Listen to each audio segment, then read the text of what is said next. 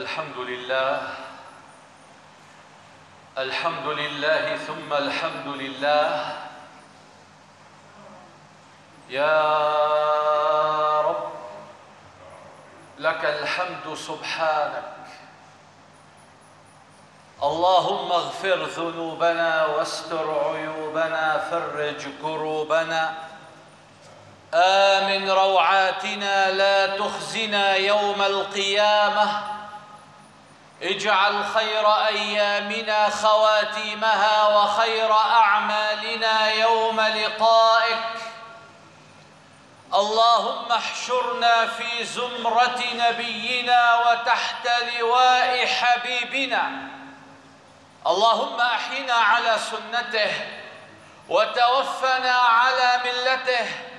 واسقنا من يده جرعة هنيئة لا نظمأ بعدها. أبدا يا كريم.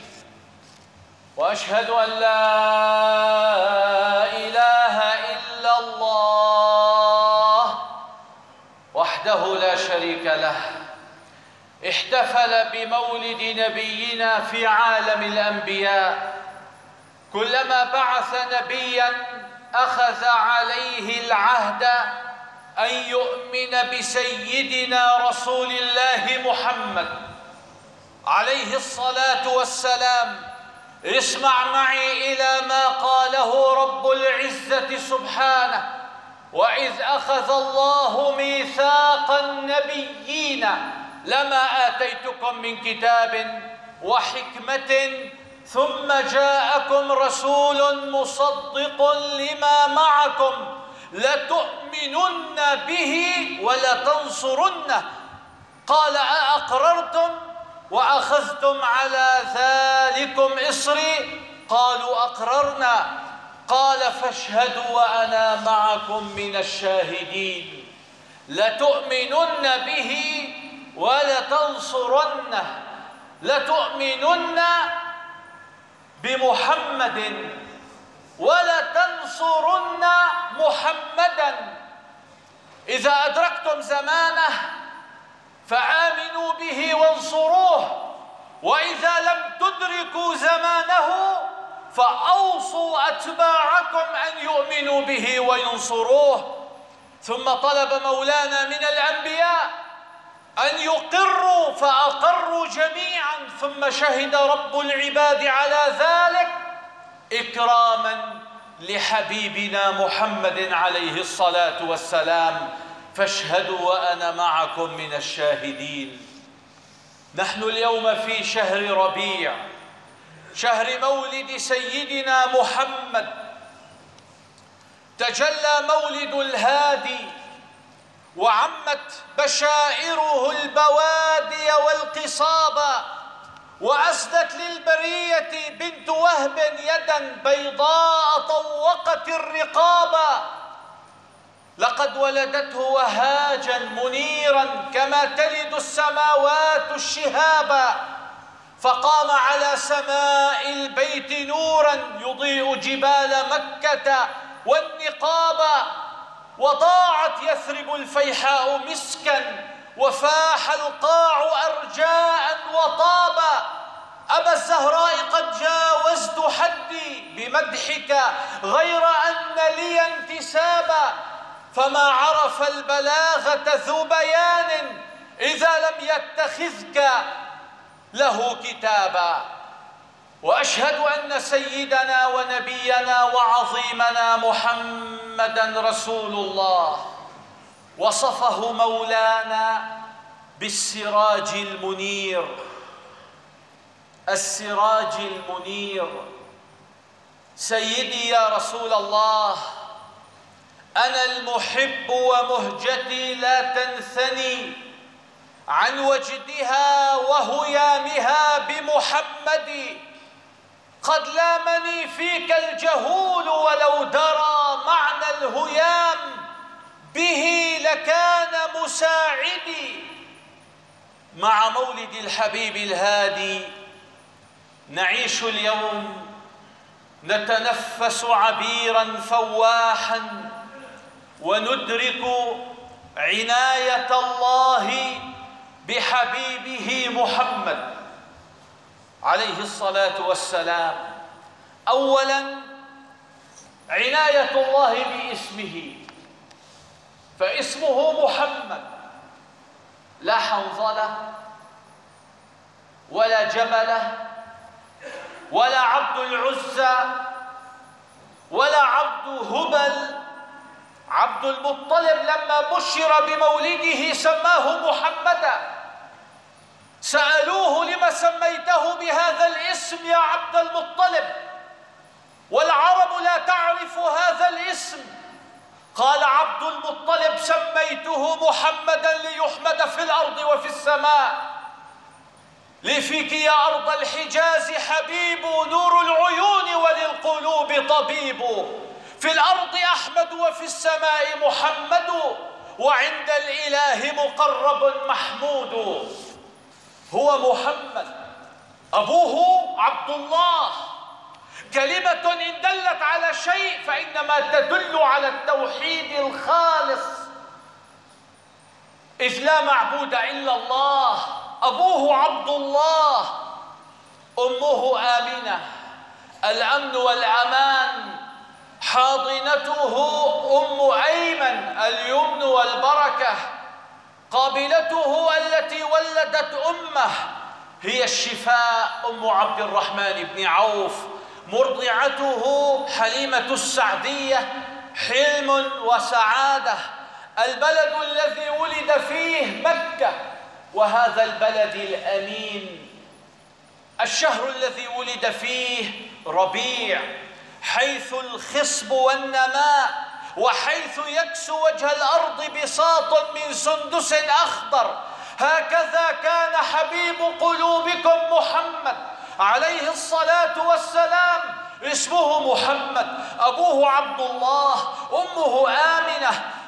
حاضنته أم أيمن مرضعته حليمة السعدية بلده مكة. شهره شهر ربيع. جعلت حياتك للزمان ربيعا ومشى بشيرك في الأنام مذيعا. الله أكبر حين بشر قائلا وهب الإله إلى الأنام شفيعا. ماذا كان قبل مولده صلى الله عليه وسلم؟ جده عبد المطلب نذر إن رزقه الله عشرة من الولد أن يذبح واحدا منهم لله. ورزق بعشرة من الولد. ودارت الأقداح على أولاده. وخرج القدح على عبد الله. والد الحبيب محمد. وأدار القداح مرة أخرى فإنه لما أقدم على ذبح ولده عبد الله وجد سدا منيعا وسياجا سميكا يحول بينه وبين ابنه عبد الله. فأدار القداح مرة ومرة فلم تغادر القداح عبد الله فسألوا الحكماء فحكموا بأن تضرب القداح حتى تخرج عن عبد الله. وكل مرة تأتي القداح على عبد الله يذبح عشرة من الإبل. فضربوا القداح فخرج اسم عبد الله في المرة الأولى والثانية والثالثة. وعبد المطلب يزيد عشرا من الإبل في كل مرة. حتى خرج عبد الله عشر مرات وبعدها استدارت القداح عن عبد الله فذبح عبد المطلب مئة ناقة فداء لابنه عبد الله ولذلك يسمى رسول الله ابن الذبيحين. أبوه إبراهيم أمر أن يذبح إسماعيل وجده عبد المطلب أن يذبح عبد الله والده. فهو ابن الذبيحين. وفي ليلة صفت سماؤها ورق ماؤها وطاب هواؤها تزوج عبد الله بآمنة. ولم يطل المقام بينهما فبعد أيام من بنائه بها نادى مناد بأن القافلة التي ستذهب إلى الشام قد حان وقتها وخرج معها من مكة شباب غير قليل كان عبد الله من بينهم.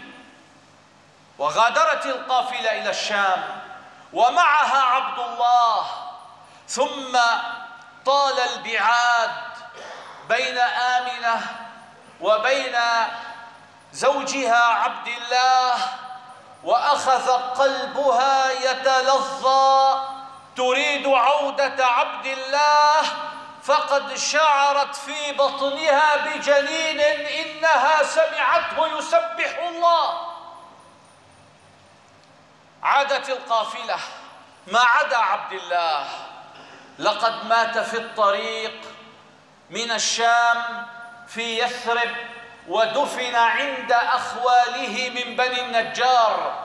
مات هناك وهو ابن الخامسة والعشرين في زهرة العمر وفي بداية ومقتبل الشباب. مات عبد الله. مشينا خطى كتبت علينا ومن كتبت عليه خطى مشاها. ومن كانت منيته بأرض فليس يموت في أرض سواها. مات عبد الله. من الذي سيرعى ولده محمدا؟ إن الذي سيرعى ولده محمدا هو الذي قال هو الذي يصوركم في الأرحام كيف يشاء. لا إله إلا هو العزيز الحكيم. موت الآباء. لا يؤثر في الأقدار وفي ليلة هادئة الأنسام عاطرة الأنفاس ولد الهدى فالكائنات ضياء وفم الزمان تبسم وثناء الروح والملأ الملائك حوله للدين والدنيا به بشراء بك بشر الله السماء فزينت وتضوعت مسكا بك الغبراء. ولد رسول الله صلى الله عليه وسلم. وأول من علم بولادته ثويبة جارية أبي لهب علمت بميلاد النبي عليه الصلاة والسلام. ففرحت وذهبت تبشر سيدها أبا لهب بميلاد ابن أخيه. فسر أبو لهب سرورا عظيما وقال لها أنت حرة. نعم. قال لها أنت حرة. فرحا بميلاد محمد ابن أخيه هل ضاع هذا الأمر عند الله؟ إن الحبيب محمد ولد يوم الاثنين وأبو لهب فرح به يوم الاثنين فأعتق الجارية فرحا بميلاد الحبيب محمد. لذلك فقد ورد أن الله يخفف عن أبي لهب كل اثنين العذاب إكراما لفرحه بمولد سيد الخلق محمد عليه الصلاة والسلام.